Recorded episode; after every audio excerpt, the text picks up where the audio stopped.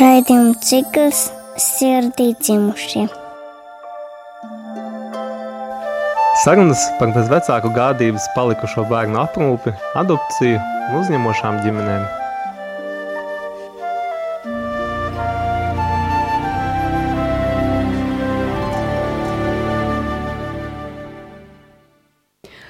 Labvakar, mīļie radio klausītāji! Atkal raidījums sirdī dzimušie ir ēterā, un šodien mums ciemos ir Kaspars Prūsis, kas ir atbalsta centrs uh, tilts vadītājs, un šodien mēs viņu izprešņāsim. uh, Kaspar, pasaki lūdzu, kas tu esi, pastāsti lūdzu par sevi.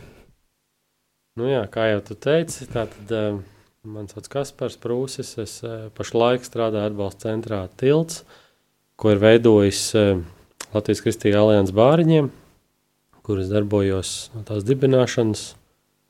Jau laikam sešas gadus atpakaļ, tad septiņas mēs nodibinājām. Un, nu jā, un tad pirms diviem gadiem mēs izveidojām atbalsta centru tilts un uh, sapratām, ka ir tāda vajadzība ģimenēm. Un, uh, jā, kopš laika tur darbojos, organizējam apmācības, atbalsta grupas un tā tālāk. Jā. Mm -hmm. Varbūt tu vari vairāk pastāstīt par savu ģimeni, jo es zinu kaut ko ļoti interesantu. jā. Um, nu jā, es nezinu, tas tik ļoti interesanti, bet tā tad eh, es esmu precējies, mēs apprecējāmies pirms 15 gadiem. Jau pirms tam gan es, gan man sieviņa, mēs sapratām, ka mēs gribam, mēs domājam, ka mēs varētu adoptēt bērniņu. Mēs par to domājām, mēs arī sapratām, ka mēs sākumā gribam ja Dievs dos bioloģiskos bērnus, un tad pēc tam adoptēt, tā arī viss gāja pēc plāna, pēc mūsu plāna. Bija viens bioloģiskais bērns, otrs bioloģiskais bērns, mēs sapratām, kad, kad ir laiks, un tad tādā, nu, ar patiesībā tādā, nu, tas bija patiesībā, mēs vēl domājām par to, vai varētu adoptēt vai nē, un sanāca tā, ka Dievs piespēlēja bērnu daudz ātrāk, nekā mēs patiesībā plānojām, un, jā, mūsu ģimenē ienāca tad trešais bērns, Un, un pēc kāda laika, sākumā viņš bija, mēs kā aizbildņi, viņiem bijām ģimene, un tad mēs adoptējām pēc kādiem, kad viņiem bija kādi divi gadi. Tagad viņam jau astoņi gadi. Mm -hmm. Kas pat šodien uh, ir ļoti daudz dažādu atbalsta veidi ģimenēm uzņemošām, bet kā bija tajā laikā, kad tu adaptēji savu dēlu? Nu, jāsaka tā, ka nu, tad es vispār nezināju par ne, neko vairāk, ne par citiem uh, ārpusģimenes aprūpas veidiem, pilnīgi, ko es zināju, ka var adoptēt. Nu, es biju dzirdējis, tāpēc arī es biju nolēmis, nu, kad adoptēsim. Vairāk es neko nezināju tajā laikā, un, eh, un es arī, varbūt es arī tāpat nesagaidīju tādu lielu atbalstu, tad, kad mēs adoptējām, un, un, protams, viens bija tāds, kas varbūt arī jārēķinās katram adoptētājam, kad uh, ja runā nevis tieši par tādu sistēmas atbalstu, bet tieši no apkārtējiem cilvēkiem, tad, kad mēs domājām par to, vai, vai, vai eh, Daniels, kā mēs var, spēsim parūpēties vai nē, vai, vai vispār vai mums vajadzētu to darīt vai nē, tad bija atvainojos, ļoti liels atbalsts no apkārtējiem. Viņš teica, jā, jā, dariet malači, jā, un, un dariet, mēs jums palīdzēsim ar gultiņu, ar, ar um, nu, praktiskām lietām, visādām, kādām vajag. Un, um, nu, jā, un, un, un tā arī sākumā bija. Sākumā cilvēki palīdzēja šo un to dabūt. Bet tas neturpinājās, um, saka, ne, tas, nu jā, tas neturpinājās ilgi. Tas ir tajā brīdī, kad, kad tas notiek, visiem ir sajūsma apkārt, visi sadodas rokās, lai palīdzētu, un tad paiet mēnesis, varbūt divi, pusgads, Un, un viss to jau pieņem, nu, tas jau ir normāli, tas jau ir jūsu bērns, un, un tad vairs nav tas, nu jā, tā atbalsts un tā sajūsma, kad mēs nu tik palīdzēsim citu, un, eh, un, nu jā, tu paliec, nu, tā kā, nu, nu jā, tu paliec, nu var teikt, ka tu paliec viens, jā, tev likās, ka tev būs tur visi tagad tik ļoti mm. palīdzēs, bet tā nav, patiesībā katram ir savas problēmas, un ne jau aiz ļaunprāt, vienkārši, nu, katram ir savu dzīvi, savas problēmas, un, eh, un, eh, nu jā, galu galā tev ir jāsaprot, ka tev ir, Nu, pašam jātiek galā, un, ja tev ir vajadzība, tad tev ir pašam jāinicē. Tu nevari gaidīt, ka tev kāds nāks un teiks, vai tev vajag palīdzību, vai tev kā tev tur iet. Tev ir pašam jāuzņemas tā atbildība, iniciēt un prasīt, nu, man vajag šeit palīdzību, vai šo nesaprotu, vai kāpēc mans bērns tā uzvedās, vai tas ir normāli, ka viņš tā uzvedās. Un, un, Nu jā, un tad, kad mēs jau Tad, kad mums parādījās bērnam problēmas, kur mēs nevarējām saprast, vai tas ir vienkārši raksturīpašības, vai mūsu slikta audzināšana, vai, vai, vai kas tas ir, vai kaut kas no, no tās pagātnes viņam, vai no tā traumatiskās pieredzes, tad uh, mums jau bija tādas labas attiecības ar Vēsmu Sandbergu, kas bija pagājušajā nedēļā, bija raidījumā. Viņa jau bija daudz kam izgājusi cauri, vēl kāds mēs draugus pazinām, kas bija daudz kam izgājuši cauri. Un, nu jā, tas bija tas brīdis, kad mēs tieši arī dibinājām aliansi, un es jau biju dzirdējis par tām problēmām no viņiem, kas varētu būt un kas ir normāli un kas nav normāli. Un līdz ar to man tas bija tādā īstā brīdī, patiesībā nu, tas no, jā, no apkārtējiem cilvēkiem, kas to bija darījuši, kad es saņēmu atbalstu. Un tajā laikā arī, kad man parādījās mūsu ģimenē, parādījās Danielam tādas uzvedības problēmas, ko mēs nevarējām tā izskaidrot uzreiz. Tad man bija arī iespēja man iziet pirmo reizi. vairāk, nu, nu, patiesībā mēs vairākas apmācības tajā laikā, kā jauns speciālists, tā sākot darbot šajā jomā, es visu kaut ko meklēju, visu kaut ko, ko, ko tik varēju uzzināt, kaut ko vairākas apmācības izgāju. Viena no tām bija arī kompetents emocionāli traumēta bērnu aprūpētājs, ko mēs tagad tiltā mācām. Nu, tas man ļoti, ļoti palīdzēja saprast, kas notiek, kas noticis ar manu bērnu, kā tas ir ietekmējis, tā viņa pagātne. Uh, kā tas ietekmē tagad viņu uzskatus, viņu uzvedību, kā man ir jārēģē uz to. Tas ļoti daudz ko salika pa plauktiņiem, līdz ar to man bija, man jau bija tā, nu, vieglāk saprast, kas notiek, saprast, kur es kaut ko nepareizi darīju, kur es neesmu vainīgs, un jā, tas ļoti, ļoti palīdzēja. Nu, tā, es teiktu, ka Dievs salika visu kopā tādā īstā brīdī tieši priekš mums, tas, tas atbalsts Mēs gribējām palīdzēt citiem, bet patiesībā es ļoti daudz pats iegūstu no tās vēlmes palīdzēt citiem, arī adaptētājiem. Ja. Vai varētu teikt tā, ka eh, šīs tavas personīgie piedzīvojumi, personiskās eh, savā ziņā problēmas ar bērnu bija kā impulss, lai tu dibinātu šo kristīgo aliansi kopā ar kolēģiem un atbalsta centru, vai ne? Nu, patiesībā man nē, jo tās problēmas man parādījās bišķi vēlāk, ja mēs tā kā mums um, puika ienāca ģimenē, viņš jau bija maziņš, viņam bija septiņi mēneši, kad viņš ienāca mūsu ģimenē. Tās uzvedības problēmas parādījās bišķi vēlāk ap trīs gadiem. Uh, nu, jā, es teiktu, tā, divi, trīs gadi. Līdz ar to tad jau mēs sākām veidot aliansi, un tad nu, tās problēmas parādījās, un uzreiz alianse jau bija, kur varēja man palīdzēt. Patiesībā. Bet tas mans, mana motivācija un mans, kāpēc es iesaistījos, tāpēc, ka es gribēju.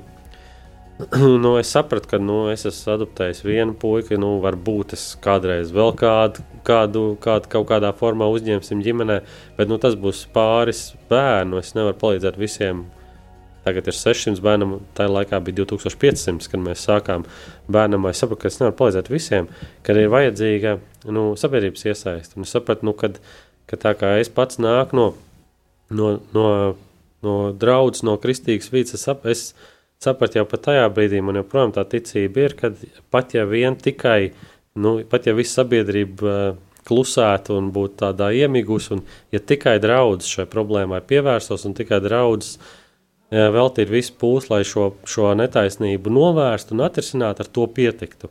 Un tā bija tā mana motivācija, kāpēc iesaistījos alianses dibināšanā, kad es ticēju, ka, ka draudzēs, ka, ka Kristus baznīcā Latvijā ir tas potenciāls, lai palīdzētu tiem bērniem, kas patiesībā salīdzinot, nu tie ir daudz bērni, 600 bērni, bet ja mēs salīdzinām uz to draugu skaitu, kas Latvijā ir, tas nav daudz, tas nav daudz, un mēs varētu šo problēmu un, tā, nu, atrisināt un šo netaisnību novērst. Un tas, tā bija tā mana motivācija. Vēlam palīdzēt bērniem un uh, atrast, palīdzēt viņiem atrast ģimenes. Mm -hmm, paldies. Kas par tagad tuvojās bāriņu svētdiena? Un es tā skaitā arī mēģināšu uzrunāt savu draugu, ja? bet ko tu varētu ieteikt, vai kā tu varētu uzrunāt šīs, drau, šos draugus locekļus, lai viņiem varbūt aiznestu šo, šo vēsti, ka tas ir svarīgi un tieši draudzes varbūt ir tās, kurām ir tas potenciāls tomēr un ir uz ko balstīties, jo mēs, mums tomēr ir Kristus spēks, ja? un mēs tomēr esam tie, kuriem ir, nu, dots vairāk nekā sekulārajai pasaulē, ja, bet ko tu ieteiktu draudzes locekļiem, kuri šaubās vai, vai kuri varbūt domāt, nē, tas vispār nav domāts man, ko tu viņiem ieteiktu? Nu jā, tur, eh, patiesi, nu, tur daudz lietas. Pirmais, kas man nāk prātā, ko es domāju, ka noteikti tam, tas nedrīkst būt tāds emocionāls lēmums, tāds bāriņu svētdienā dzirdēju un uzreiz to daru. Es domāju, tāpēc mēs to darām katru gadu bāriņu svētdienu, un mēs nemēram kaut kā bāriņu svētdienas, nezinu, panākumus pēc tā, cik pēc bāriņu svētdienas piesakās jauns aužģimens, ja, ja mēs saprotam, ka tas ir process, tam ir jāiziet process, tev ir jā, jādzird, tad tev ir jābūt lūkšanās par to lēmumu, vai tas ir, vai tas ir man, tad jautājums, kādā formā es varu palīdzēt, uh, Man liekas, tur ir pirmkārt, un, pirmkārt ir jānoskaidro, vai mēs kā ģimene, ja tas ir vīrs un sieva, ja nav viens, ja mēs kā ģimene esam viensprāts, jo tur noteikti ir jābūt pilnībai viensprātībai ģimenē par to, ka neviens nu, viens otru nepiespiež, viens otru nu, jā, nepierunā, tur ir jābūt tādam uh, aicinājumam abiem.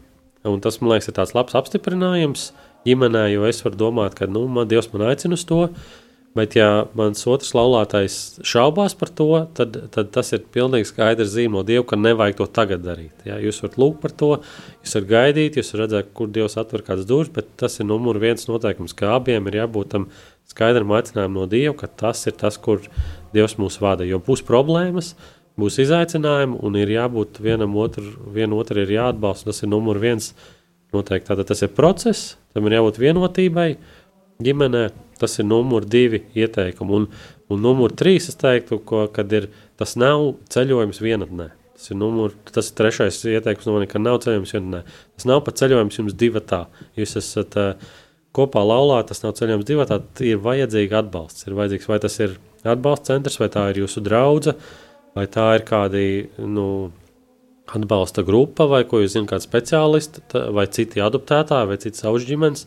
Tas uh, Tas var dažādi izstīties dažādās situācijās, bet ir noteikti jums vajadzēs atbalstu, agri vai vēl. Ja jūs neesat gatavi saņemt atbalstu, prasīt atbalstu, tad es teiktu, ka jūs neesat gatavi tam solim. Jā. Mm -hmm, ļoti vērtīgi. Paldies. Man arī daudz ko pārdomāt šajā, šajā jomā. Uh, saki, lūdzu, kāds bija mērķis atbalsta centra dibināšanai? Nu jā, pirms tātad divu pusgadiem apmēram valsts nolēma izveidot šādus atbalsta centrus. Un mēs sapratām, mēs domājam, vai mums kā aliansē vajag dibināt vai nevajag. Mēs sapratām, ka patiesībā tas, ko valsts grib, lai atbalsta centri dara, to mēs faktiski visu darām. Galvenās funkcijas bija atbalsta funkcija. Tātad cilvēkam jau vajag atbalsts, tāds nu, tīri cilvēcīgs, vai sociāla darbinieka atbalsts, vai speciālistu atbalsts tātad atbalsta grupas, apmācības. Mēs sapratām, ka visu to mēs jau tad darījām. Mums jau atbalsta grupas bija pirms atbalsta centra izveidošanas, jau atbalsts bija pirms atbalsta centra izveidošanas, jau apmācības bija pirms atbalsta centra izveidošanas. Mēs sapratām, ka mēs visu to darām.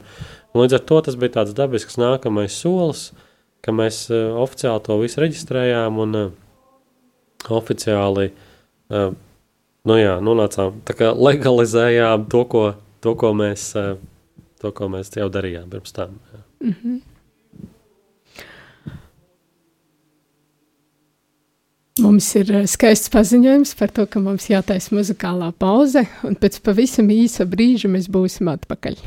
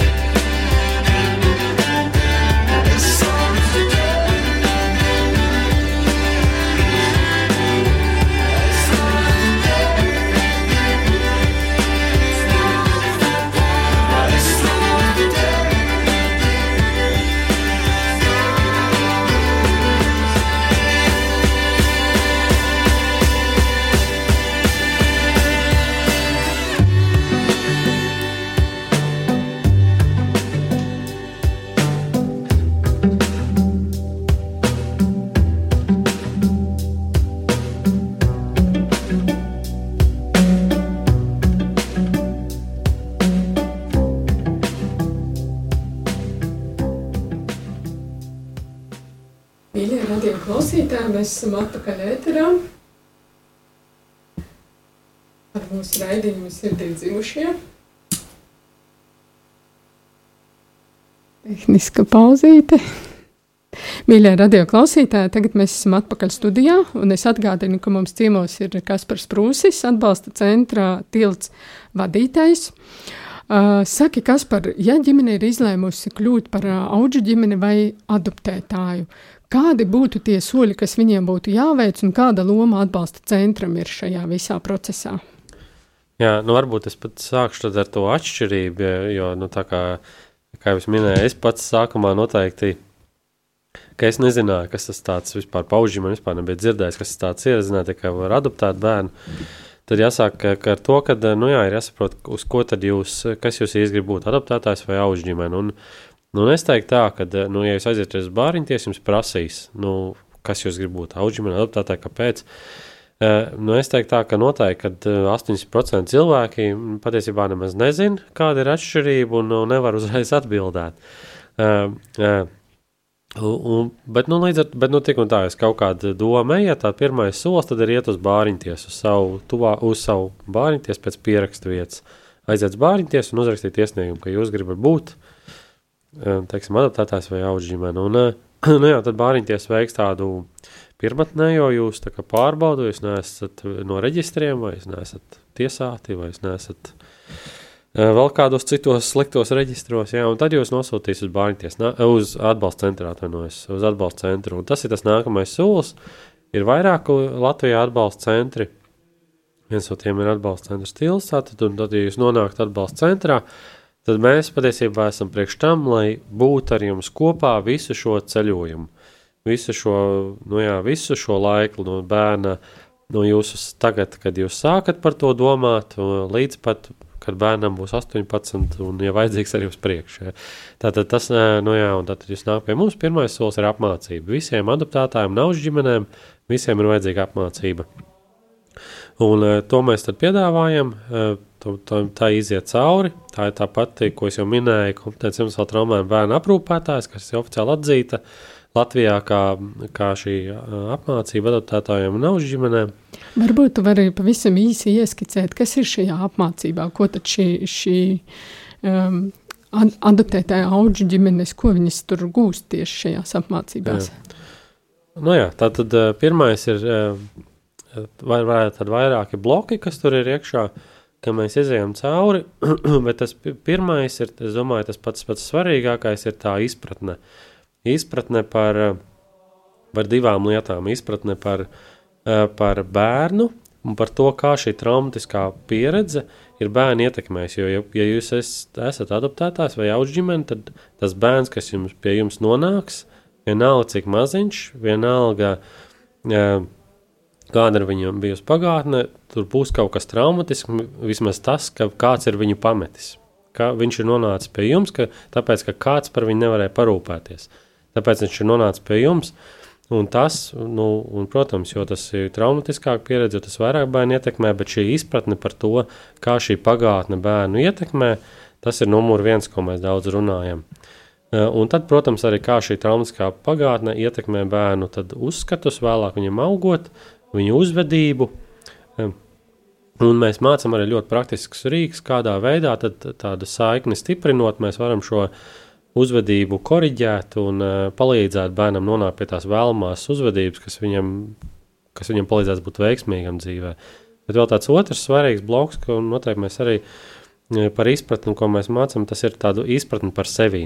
Man, par manīm, kā adaptētā vai auģģimene, un tas pirm, pirmām kārtām ietver to vairākas lietas, kas ir jāizprot. Pirmkārt, manas gaidas, ko es sagaidu no kāpēc es vispār gribu būt adaptētājs vai auģģimene, ko es sagaidu, kādas, kādas iedomājos tos dzīvi, kad tas bērns ienāks, ja? un daudz no tā varbūt ir, nu, maldīgs, tad jo mēs, jo mums ir mazā, jo mūsu gaidas ir precīzāks realitātē, jo mums mazāk vilšanās būs. Un tātad par gaidām mēs runājam, mēs runājam arī par savu pagātni, par to, kā, ja mums ir bijuši kāda traumatiska pieredze, kā mēs ar to esam tikuši galā, vai esam tikuši galā. Ja neesam tikuši galā, tad kā tas ietekmēs, eh, kā tas ietekmēs mūsu audzināšanu bērnam, kuram bija traumatiska pagātne. Un, un eh, noteikti pilnīgi droši ir tas, ka bērns, kuram ir traumatiska pagātne, atradīs tās mūsu vājās vietas, tās mūsu, mūsu tās eh, nesadziedētās rētas un uzplēsīs tās vaļā. Un ja mēs ar to nebūsim tikuši galā, un varbūt, ja mēs pat neapzināsimies tās, tad tā, tā, tas var nu, slikti beigties gan mums, gan, gan mūsu attiecībām. Tāpēc šī, šī sevis apzināšanās un darbs ar sevi tas ir ļoti, ļoti svarīgs. Tas notiek arī apmācībās, jā, un tad mēs arī, protams, daudz praktiskas lietas mācām, kā jau minēju, par tādu tieši bērnu uzdevības korģēšanu, par to, kā bērnam stāstīt par pagātni, vai vispār stāstīt. Tas ir jautājums, jā, un tad kā stāstīt par pagātni, kā veidot attiecības ar šo pagātni Jā, kā vai tas ir? Nu, nu jā, tas viens ir tās fiziskās saites, kas bērnam varbūt ir par, par pagātni, bet varbūt, varbūt viņam nav tās fiziskās tad varbūt viņam ir atmiņas vai kaut kas viņam ir par pagātni. Tad kā man kā adaptētājam vai auģimenei, kā man, kā man pret to izturēties, kā man veidot tādu veselīgu bērnam izpratni par viņu pagātni, pat ja tur ir bijušas kādas traumas. Mm -hmm. Paldies! Um, esmu, kad, kad esmu strādājis bērnu tiesā, ļoti bieži esmu dzirdējis vecākus sakām, bet es jau esmu izaudzinājis divus vai trīs bērnus, un kāpēc man tagad jāiet un vēl piespiedu kārtā uz šīm apmācībām? Ko tu teiktu šīm ģimenēm? Nu, jā, tāpēc, nu, tur ir sava taisnība, es teiktu tā, ka, jo, nu, ja, jebkura pieredze ir pieredze. Jā, jebkura pieredze ir laba pieredze, un, protams, ja ir kaut kāda pieredze bērnu audzināšanā, tas var palīdzēt, bet, protams, tas var būt arī tāds um, šķērslis, ja mēs kļūstam tādi nu, iedomīgi ar to, ka, nu, ja es esmu izaudzinājis, tad jau es tikšu galā ar jebkuru. Jā, jo tas var būt ļoti liels lamatas. Jo, jo tā, nu, pirmkārt, jau bērni var būt dažādi, bet tieši šī traumatiskā pieredze, un pat ja tur nav bijusi nekāda sišana vai emocionāla vardarbība tam bērnam, un eh, tik un tā tas, kad bērns īpaši augot lielāks, sāk apzināties, ka man, mani bioloģiskie vecāki kaut kāda iemesla dēļ mani vai nu pameta, vai atstāja, vai nevarēja par manīm parūpēties. Tas, eh, nu, vai, un kad es esmu šeit, šai ģimenē adoptēts, tas kaut kādā veidā, agrāk vai vēlāk, tas nāks ārā. Un tas var ietekmēt bērnu uzvedību, bērnu uzskatus par sevi, bērnu. Un bieži vien kas notiek, ka bērni vaino sevi par to, kas ir noticis. Līdz ar to tas ietekmē ļoti viņu uh, pašapziņu, kad ir zem, zems tāds pašvērtējums un, un, un tāda, nu, tas dažādi var izpausties. Un ja, ja vecāks, kurš neapzinās to, tad viņš to tulkos citādāk. Viņš to tulkos kā, nu, kad nu, bērns vienkārši nepaklausīgs, vai man te tagad neklausa, vai kaut ko, nu jā, vienkārši vai tikai viņam kaut ko, nezinu, kaut ko, jā, tad, pabakstīt, jā. jā, vai sodīt, jā, vai kaut kādu disciplinēt viņu, tad jau viss būs labi, vai tik stingro roku un viss būs labi, kas patiesībā var nodarīt nu, pretēju efektu, ka bērns var vēl vairāk attālināties, vēl vairāk nonākt pie tā, nu redz, es jau zināju, ka es esmu vainīgs pie tā, ka man atstumj un atgrūž, un, un redziet, re, ka vēl viens piemērs, ka mani atstumj un ka man nepieņem tāds, kāds es esmu, kad cilvēks, bērns var justies tāds nesaprasts, un, un nu jā, tas var novest pie tādas nu jā, ļoti nelabvēlīgām sekām, un tas var ļoti ietekmēt saikni ar, ar vecākiem, ja vecāks nesaprot šo pagātnes ietekmi uz bērnu. Mm -hmm. Tagad, pieņemsim, es esmu izgājusi apmācības. Kas notiek tālāk? Tagad es iegūšu šīs zināšanas, viņas ļoti vērtīgas, un kas tā, notiek tālāk, kādi tie tālākie soļi? Nu, nākamais solis ir vajadzīgi divi jā. nākamais solis tāds, kad, kad, kad mēs izējām pārsvarā cilvēki, kad iziet šo apmācību, viņi saprot, ka tas patiesībā būs grūtāk nekā viņi domāja. Tas ir labi, un līdz ar to ir vajadzīgs atkal no, no vecākiem tāds apzināts, nu jau ne tikai emocionāls, jā, bet tāds apzināts, saprotot, kā, kas būs, kas man sagaida, vai tu vēl joprojām esi gatavs teikt jā. Tas viens ir jā, un tad mēs kā speciālisti arī e, izvērtējam katru ģimeni un arī savu, sakam savu jā vai nē, vai, vai, vai varbūt pagaidiet, jā, vai varbūt kaut ko sakārtot savā dzīvē. Jā, tad vajadzīgi šie divi jā. Mēs, kā, atbalsta centrs, tad uzrakstam raksturojumu, jā, ja ģimene saka jā. jā nu, patiesībā vēl viens solis pirms šiem diviem jā ir arī tas, ko Eh, sākumā es minēju, ka eh, nu, mans uzskats ir tāds, ka tikai pēc šīm apmācībām var tā patiesi saprast nu, tos, eh, arī tās atšķirības, kas ir adaptētājs, kas ir auga ģimene. Un, un tad var arī pieņemt tādu apzinātu lēmumu, kas tad es īsti gribu būt auga ģimene vai adaptētājs. Jo varbūt jāpaskaidro tā atšķirība, tā īsos vārdos, tā kā adaptējot, uh, tas bērns kļūst, es kļūstu juridiski atbildīgs par šo bērnu, viņš, kļūst, viņš ir mans bērns, viņš ienāk manā ģimenē, e, citā veidā, bet viņš ir mans bērns ar visām izrietošām mantošanas tiesībām un citām tiesībām. No, bet tad, kā lauģa ģimenes situācijā, mēs faktiski esam, lauģa ģimene ir kā tāds uz laiku, un nevar zināt, cik ilgu laiku, bet uz laiku bērnam, kur patvērties, kamēr noskaidrosies situācija viņa bioloģiskajā ģimenē. Tātad bērnam ir kādas problēmas bioloģiskā ģimenē, vecāki vairs nevar parūpēties, bērns tiek izņemts, lai viņam nebūtu jādzīvo bērnamā, viņš dzīvo uz laiku augšģimenē. Un tad augšģimene uz laiku rūpējās par šo bērnu līdz ir skaidrība par bioloģiskās ģimenes situāciju. Vai nu bērns var atgriezties bioloģiskā ģimenē, vai nu, ja nav, tas nav iespējams, tad tiek meklēti adaptētāji vai aizbildņi, un tad bērns nonāk tādā pastāvīgā aprūpē, uh, kas ir adaptētāji vai aizbildņi. Tātad daudz ģimene ir uz brīdi. Tas ir ļoti, es teiktu, tas ir tāds augstāks aicinājums, jo tev ir jāieguldās bērnā, bet tu nezini, cik tas ilgi būs. Tev ir jāieguldās tajā bērnā, un tev jāsaprot, ka tu esi uz laiku viņa aprūpētājs, tu uz laiku viņam dot to mīlestību, un jebkurā brīdī viņš var aiziet atpakaļ bioloģiskā ģimenē, var aiziet uz citu ģimeni, un nu jā, tas ir ļoti liels aicinājums. Es ļoti abrīnoju auģu ģimenes, kas tā patiesi to arī dara, tādu aicinājumu izjūtu, un uh, Jā, tas ir. Jā. Labi, tā tad es izgāju apmācības, es tiku izvērtēta, un kā, kādi ir tie nākamie soļi, kas notiek tālāk pēc izvērtēšanas? Jā, nu tātad, ja es, es esmu sapratis, ka es, es gribu būt adaptētājs vai augu ģimenes, es saku jā tam, atbalsta centra speciālists saka jā tam, tad, eh, tad eh, šie, šis raksturojums tiek aizsūtīts bāriņtiesai jūs, un tad bāriņtiesa eh, ņemot vērā atbalsta centra vērtējumu, ņemot vērā psihologu vērtējumu, tad viņi pasaka savu galu vārdu. Viņi ir tie, kas pieņem to galu vārdu, to lēmums, patiesībā ir bāriņties lēmums, un viņi izlēma, vai tad jums piešķirt šo statusu, ka jūs būsiet audžģimene vai adaptētājs vai nē. Cik es saprotu, tad uh, pēc pieredzes adopcijas rindas uh, reģistrā ir jāgaida diezgan ilgi. Un es zinu, ka ārzemju praksa ir tāda, ka nevis ģimenei tiek piemeklēts bērns, jā, bet bērnam tiek piemeklēta ģimene. Varbūt tu varētu par šo praksi uh, pastāstīt drusku vairāk. Jā, nu, jāsāk varbūt ar tādu pozitīvu lietu, ir, kad, uh, jāsāk pozitīvu lietu, kad, uh, ja, tad, kad mēs sākām, tad uh, pirms sešiem gadiem, tad bija tā, ka pārsvarā adaptētāji gribēja adaptēt zīdaiņus, pavisam maziņus, nu, viens, divi gadi maksimums, un uz tiem bija rinda. Un, ja, un uz trīsgadīgu, četrgadīgu bērniem jau nebija rinda, jau trūka adaptētāji. Tad tagad tā situācija ir uzlabojusies, adaptētāji ir gatavi adaptēt arī vecāks bērnus, un tagad jau, nu, es teiktu tā, ka rinda adaptētāji sāk trūkt no tāda skolas vecuma, ja, tur 6, 7 gadi tur sāk trūkt, un līdz tam eh, adaptētāji pietiek, un tā ir labā ziņa. Un tā ir labā ziņa, un līdz ar to tas nonāk arī pie tās situācijas, kad, ja jūs gribat adaptēt mazbērniņu, tad jums jāgaida rindā, jo mums adaptētāji pietiek, un tā, tā, tas ir labi.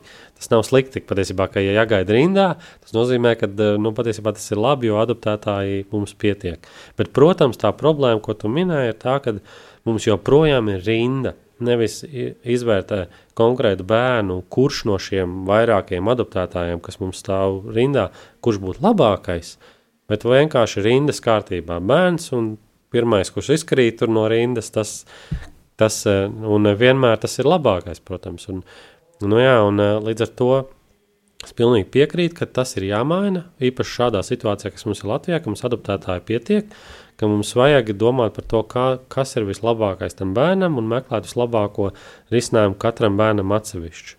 Protams, tas prasa lielākus ieguldījumus, jo nu, rinda ir vieglāk, ja tur var viens cilvēks rindu variēt. Ja, ja, ja, ja mēs meklējam konkrētu bēr, konkrētus vecākus, piemērotus, vislabāk piemērotus konkrētam bērnam, tas prasa nedaudz vairāk tādu iedziļināšanos situācijā. Un, nu, jā, un, un, arī, un patiesībā arī skaidrošanu to adoptētājiem. Jo adoptētāji cit, cit, citreiz arī nesaprot, kāpēc ir. Kāpēc man jāgaida, un kāpēc es redzu, ka bērnamā tur skraidā mazi bērniņi, bet man jāgaida rindā. Un, nu jā, un es domāju, tas ir ļoti, ļoti skaidrojošs darbs arī adoptētājiem, ka mēs, tieši tā kā tu minēji, ka adopcija nav, ka es atnāku, adoptētājs atnāk un adoptētājiem piemeklē bērniņu viņa vajadzībām ka patiesībā šī ārpusģimenes aprūpe ir domāta tam, lai ir bērns, kuram ir vajadzīga ģimene, un mēs piemeklējam labāko ģimeni šam bērnam. Un, un tam, tas ir tas, uz ko jāiet, uz ko, uz ko visā pasaulē arī virzās, un, un es, un domas, domas līmenī Latvijā arī par to mēs runājam, jau arī ministrijas līmenī, tikai nav vēl nav tā, tie praktiskie soļi spērti un tāda, nu jā, tāda politiskā griba, tā gudri sakot, nav vēl tāda pietiekoši liela tajā virzienā. Mēs... Jā, pozitīvi jau ir tas, ka šīs sarunas notiek. Un, man liekas, tas jau tomēr ir kāds solis šajā virzienā. Šobrīd mēs dosimies īsajā muzikālā pauzē un pavisam drīz būsim atpakaļ.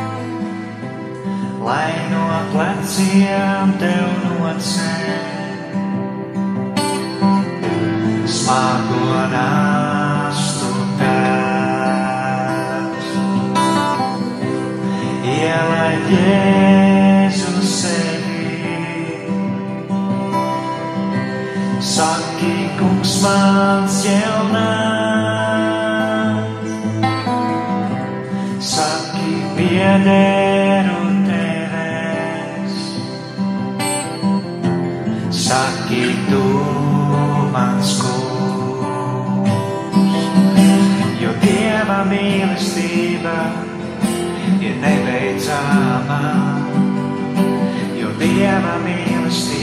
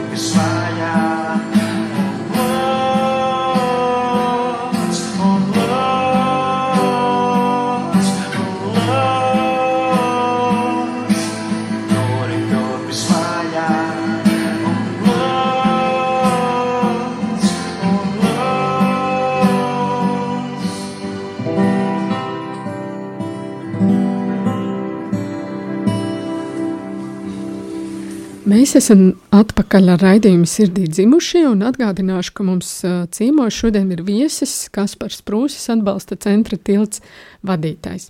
Saki lūdzu, Kaspar, kā ģimenei, kura vēlās uzņemt bērniņu, izvēlēties savu atbalsta centru? Jā, nu Latvijā ir tātad s- 16 atbalsta centri.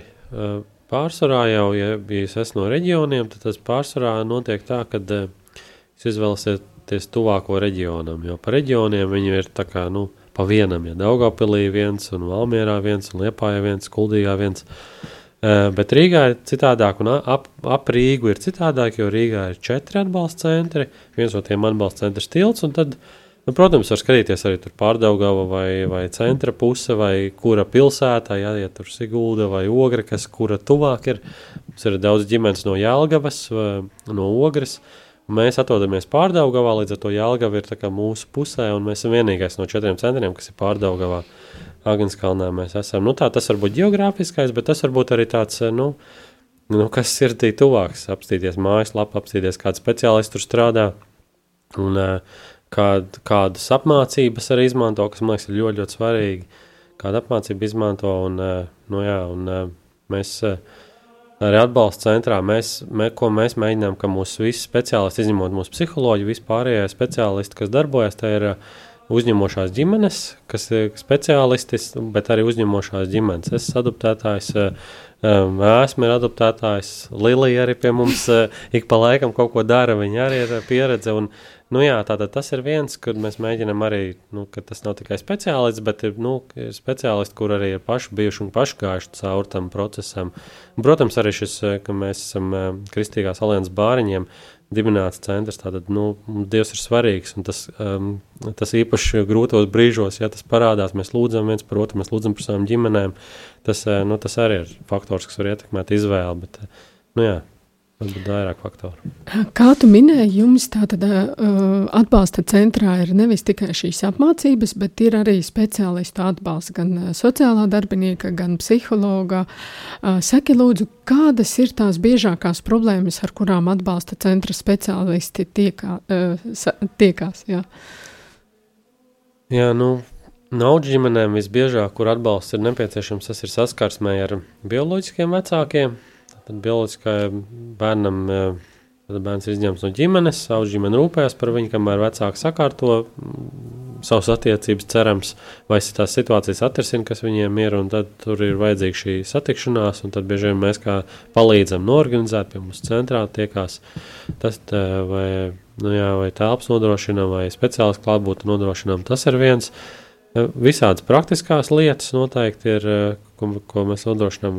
Diezgan daudz adaptētājiem ir arī tādas dažādas speciālistu palīdzību, psihologs, dažādas terapijas bērniem. Mēs mēģinām palīdzēt arī augšģimenēm tieši tas pats. Jā, tad bērniem terapijas palīdzība, atbalsts. Nu, tas ir tas, kas, kas pārsvarā ir tas, tas atbalsts, ko mēs nodrošinām. Atbalsta grupas ir liela daļa jā, no mūsu atbalsta. Tad atbalsta grupas mums ir četras piecas nu jau atbalsta grupas. Jā. Gan Rīgā, gan arī Jālgavā, gan Ogrē, gan uh, Siguldā. Rīgā divas, viena dienā, viena vakarā. Jā, mēs mēģinām to atbalsta grupu kā, loku un pieejamību paplašināt, lai tas pieejams visām mūsu ģimenēm. Mm -hmm.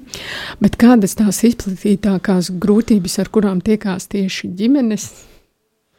Nu, jā, nu, Es teiktu, varbūt tā, ja tā skatās uz visu sistēmu kopumā, tad viena no tādām lielākām uh, problēmām, ar ko mēs uh, tagad domājam, kā mēs varam palīdzēt un kā mēs varam, uh, ko mēs varam uh, sistēmā uzlabot, ir tas, ka diezgan daudz joprojām bērnu, kas tiek ievietoti ģimenē, viņi tur uh, nepaliek, bet vecāki kaut kādiem iemeslu dēļ netiek galā, un bērns tiek pārvietots uz citu ģimeni uz citu augu ģimeni, vai pat citreiz ir tā, ka no uz bērnam, jo citu augu ģimeni nav, kur, kas to bērnu ir parūpēties. Un tā statistika ir diezgan tāda nu, slikta. Es teiktu, tā e, pēdējos trīs gados e, aptuveni ir tā vidējā statistika ir tāda, ka apmēram 15% no bērniem, no bērniem, kas tiek ievietoti augu ģimenē vai arī aizbildu ģimenē, ļoti līdzīga statistika, e, viņi tiek gada laikā viņi vai nu aiziet uz citu augu ģimeni, vai nonāk bērnamā. Līdz ar to tas nozīmē, ka ģimene kaut kādiem iemesliem nav tikusi galā ar šo bērnu. Un, eh, un, un augu ģimenē pat pēdējā gadā pat bija līdz pat 20% uzkāpus. Līdz ar to katrs piektais bērns, ko ievieto augu ģimenē, kaut kāda iemesla dēļ, viņš uh, tur nepaliek. Un viņš tiek pārvietots nevis atpakaļ uz bioloģisko ģimeni, kāda būtu, bet viņš tiek pārvietots uz citu augu ģimeni, kas ir, kas ir vēl viena traumatiska pieredze šam bērnam. Uh, kas tā jau ir grūtā situācijā, vēl dramatiska pieredze, kad vecāks auga ģimene kaut kāda iemesla dēļ netiek galā, tiek pārvietots uz citiem aprūpētājiem, jauna vieta, jauna vide, vai arī pat nonāk eh, bērnamā. Un tas ir tā situācija, kas ir noteikti jāmaina, kas ir noteikti jāuzlabo. Un mēs jau esam domājuši, mēs esam runājuši par to, kas var uzlabot šo situāciju. Viena lieta, ko mēs sadarbībā ar plecu, eh, organizāciju plecs, ko mēs darām, uh, Tas ir nodrošinām mentora pakalpojumus jaunajām auģģimenēm un jaunajiem adoptētājiem. Un, man liekas, tā ir fantastiska tāda iniciatīva no pleca puses, un, ja, un jau tagad šī iniciatīva jau, nu, jau ir divi gadi jau darbojās, un tā doma ir tāda, ka kāds pieredzējis adoptētājs vai pieredzēja auģu ģimene tiek speciāli apmācīta, viņa tiek, viņa tiek kā, kā mentors piedāvāt palīdzēt kādai jaunai auģu ģimenei vai jaunam adoptētājiem, jo tieši šie pirmie mēneši, īpaši jauniem adoptētājiem un jaunai auģu ģimenei, ir ļoti kritiski, jo viss ir jauns, viss ir jauns, ienāk bērns, jaunas situācijas, jauni izaicinājumi, un tik ļoti ir vajadzīgs šis uh, atbalsts, un, un īpaši no tāda cilvēka, kurš tam ir gājis cauri. Un, uh, un dati rāda, ka, uh, kad šis bērnu pārvietošana šais ģimenēs, kur ir mentors, samazinās līdz 5%.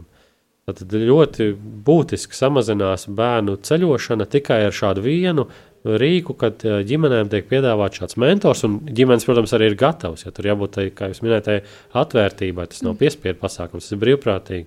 Un, ja ģimenes ir atvērts, tad, eh, tad šis pārvietošana ļoti samazinās. Un tas ir tas, ko mēs mēģinām tagad pārliecināt ministriju, ka šāds pakalpojums ir vajadzīgs un vajadzīgs valsts finansēts, un ka tas, tas parāda, dati rāda, ka tas, ka tas ļoti, ļoti uzlabo situāciju un šī bērnu pārvietošana mazinās. Raidījuma sākumā tu minēji to, ka šim lēmumam adoptēt vai kļūt par augu ģimeni, ir jābūt uh, apusēm. Tātad jāpieņem šo lēmumu gan vīrietim, gan sievietei. Uh, vadot atbalsta grupas un uh, apmācības, es tomēr novēroju to, ka vairāk ir sievietes. Ko tu teiktu, kāda loma tomēr ir vīrietim šajā procesā, un kā varbūt varētu iedrošināt vīriešus nākt uz, uz atbalsta grupām uh, vai uz šīm apmācībām? Kāds ir tavs redzējums? Jā, nu man ir arī, diemžēl, tāds pats bēdīgs secinājums kā tev, un ka nav, es, nu, nem, kā saka, es nemācāšu tā kā, ne, sociologs, ne, nevarēšu izskaidrot, kāpēc tas tā ir, bet no manas redzes viedokļa ir tā, ka, ka bērni, bērni namos, Tā nav vienkārši viena tāda sociāla lieta, ko vajadzētu nu, mums risināt, un, un kas ir nu, tā, tā nu, jā, nu, redz, mums ir daudz sociālās problēmas Latvijā, jā, tu, bet nu, šī ir viena no sociālām problēmām. Es to tā neredzu, es, to tā, es redzu to kā, tā, kā netaisnību. Ka tā ir netaisnība, ko mēs pieļaujam, esam pieļāvuši un joprojām pieļaujam, uh, kā netaisnība pret šiem bērniem, ka viņiem bez vispār viņu vainas, viņiem ir liekta iespēja uzaugt ģimenē un liekta normāli attīstīties, jo bērns nevar normāli attīstīties, ja viņam nav veselīga saikne ar, ar tādu gādīgu aprūpētāju. Tas nav iespējams. Tas nav iespējams, tas zinātniski pierādīts, ka bērnam tas ir vajadzīgs, smadzenēm kā ēdienas, ir vajadzīgs šis attiecības ar veselīgu pieaugušo, eh, kurš par viņu rūpējās. Un līdz ar to es to redzu kā tādu netaisnību, ko mēs pieļaujam, un, eh, un līdz ar to mums vajadzētu iestāties pie netaisnību. Un, un mums kā vīriešiem, eh, nu, manuprāt, tas, eh, tas nu, protams, tas neprasa nekādu fizisku spēku, tur, nu, tas prasa vairāk mentālu spēku rūpēties par bērniem. Jā, bet nu, Dievs mūs ir radījis ar viņu un devis lielāku fizisko spēku tieši šī iemesla dēļ, lai mēs aizstāvētu vājākos. Un tas ir iemesls, kāpēc vīrietim ir lielāks fizisks spēks, lai aizstāvētu, lai aizstāvētu vājākos. Un, liekas, tas ir tas ir tas mūsu aicinājums, ka nu, mums kā vīriešiem pirmām kārtām jāstāsta, kur ir kāda netaisnība, kā to novērst un kur ir vajadzīgs kāds, kur ir vajadzīgs vairāk spēks, ja tā pārnesot, ka, kur ir vajadzīgs vairāk tā enerģija, lai šā, kādu netaisnību novērstu. Un, ja mēs redzam kādu netaisnību zīli, tad, tad, tad man liekas, nu, mēs katrs darīsim kaut ko, lai šo netaisnību taču novērstu. Mēs redzam, kādam dara pāri, mēs ejam un iejaucamies. Līdz ar to šeit arī mēs, ja mēs redzam šo netaisnību, mēs nevaram stāvēt malā. Mums ir kaut kas ir jādara pret šo netaisnību. Mēs vienkārši, nu, nu, nu jāignorē. Un tas ir tas, liekas, kas ir mūsu kā vīrieši arī nu, tas ir mūsu visas sabiedrības, bet primāri jau nu, mūsu vīriešu aicinājums. Ja ir netaisnība, tā ir jānovērš. Paldies, kas par mums palika tikai dažas minūtes, un es gribēju noslēgumā tev palūgt kādu iedrošinājumu ģimenēm un vēl jau vairāk vīriešiem, ja viņi apdomā šo soli, bet tomēr šaubās, vai viņiem ir kaut kāda nedrošība. Ko tu ieteiktu šīm ģimenēm, šiem vīriešiem? Um, Nu, man nebūs tāds atsevišķi tieši vīriešiem um, ieteikums, bet uh, man ieteikums nu, visiem, ar ko jau mēs sākām šo raidījumu, ar to arī ir uh, jānoslēdz, kad tas, kad, nu, kad tas ir, nu, kad nedrīkst palikt viens, un tas nav sprints, tas ir maratons. Un, nu, ja tu esi maratonā, tad tev ir vajadzīgs, tev vajadzīgs atbalsts. Tas nav tikai, nu, tu ne, tas neesi tādu vientuļo vilku, uh, pasākums. Ja, tas ir, tas ir kopīgs pasākums. Un tas noteikti ir numur viens. Tā, nu, tas, man liekas, tā, tā ir foršā lieta. Un tāds iedrošinājums arī, kā saka, kad, nu, kad ir tas atbalsts pieejams. Tagad ir pieejams atbalsts, ir pieejams apmācības, ir pieejams atbalsta grupas, ir pieejami mentori. Ja, ja, ja mēs esam atvērti, ja, ja mēs esam atvērti atzīt savus kļūdas vai atzīt savu nezināšanu, uh, tad mēs piedzīvosim to, ka ir, ir atkā, apkārt atbalsts, un tas ir, nav jāiet vienam, nav jāiet vienam, kas ir vislabākā ziņa, kas pirms desmit gadiem, es teiktu, noteikti, tā nebija. Tas bija vientuļo vilku ceļojums.